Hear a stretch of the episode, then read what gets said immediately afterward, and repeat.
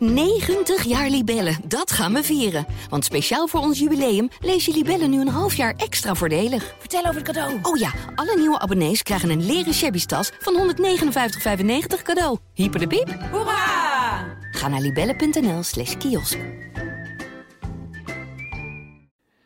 Na het gedoe over de sterk op nazi-propaganda lijkende tekening van Maurice de Hond in de Volkskrant lijkt het mij goed om op deze plek kort de Tweede Wereldoorlog uit te leggen.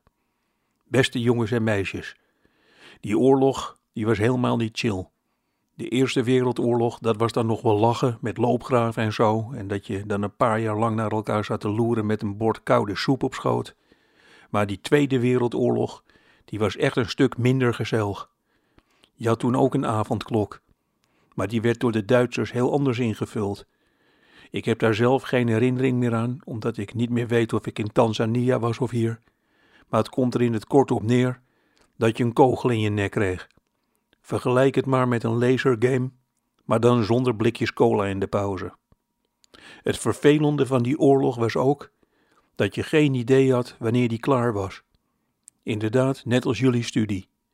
Moet je voorstellen dat je dus in 1941 een paar stukken hout op je rug naar huis tilde om het konijn van je dochter op te roosteren. En dat je dan dus helemaal geen idee had wanneer die gekkigheid klaar was. Als je bijvoorbeeld nu naar een aflevering van die documentaire over de echte André Hazes kijkt, dan weet je, even doorbijten, dat is over een uurtje klaar. Maar tijdens de Tweede Wereldoorlog had je dat niet. Je zag die Duitsers door de straten lopen en je dacht, nou lekker, daar gaat mijn jeugd.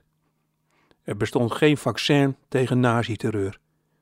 Ik denk trouwens dat, net als nu, niet iedereen zich had laten vaccineren. Maar goed, wat moet ik er nog meer over vertellen? Oh ja, dit.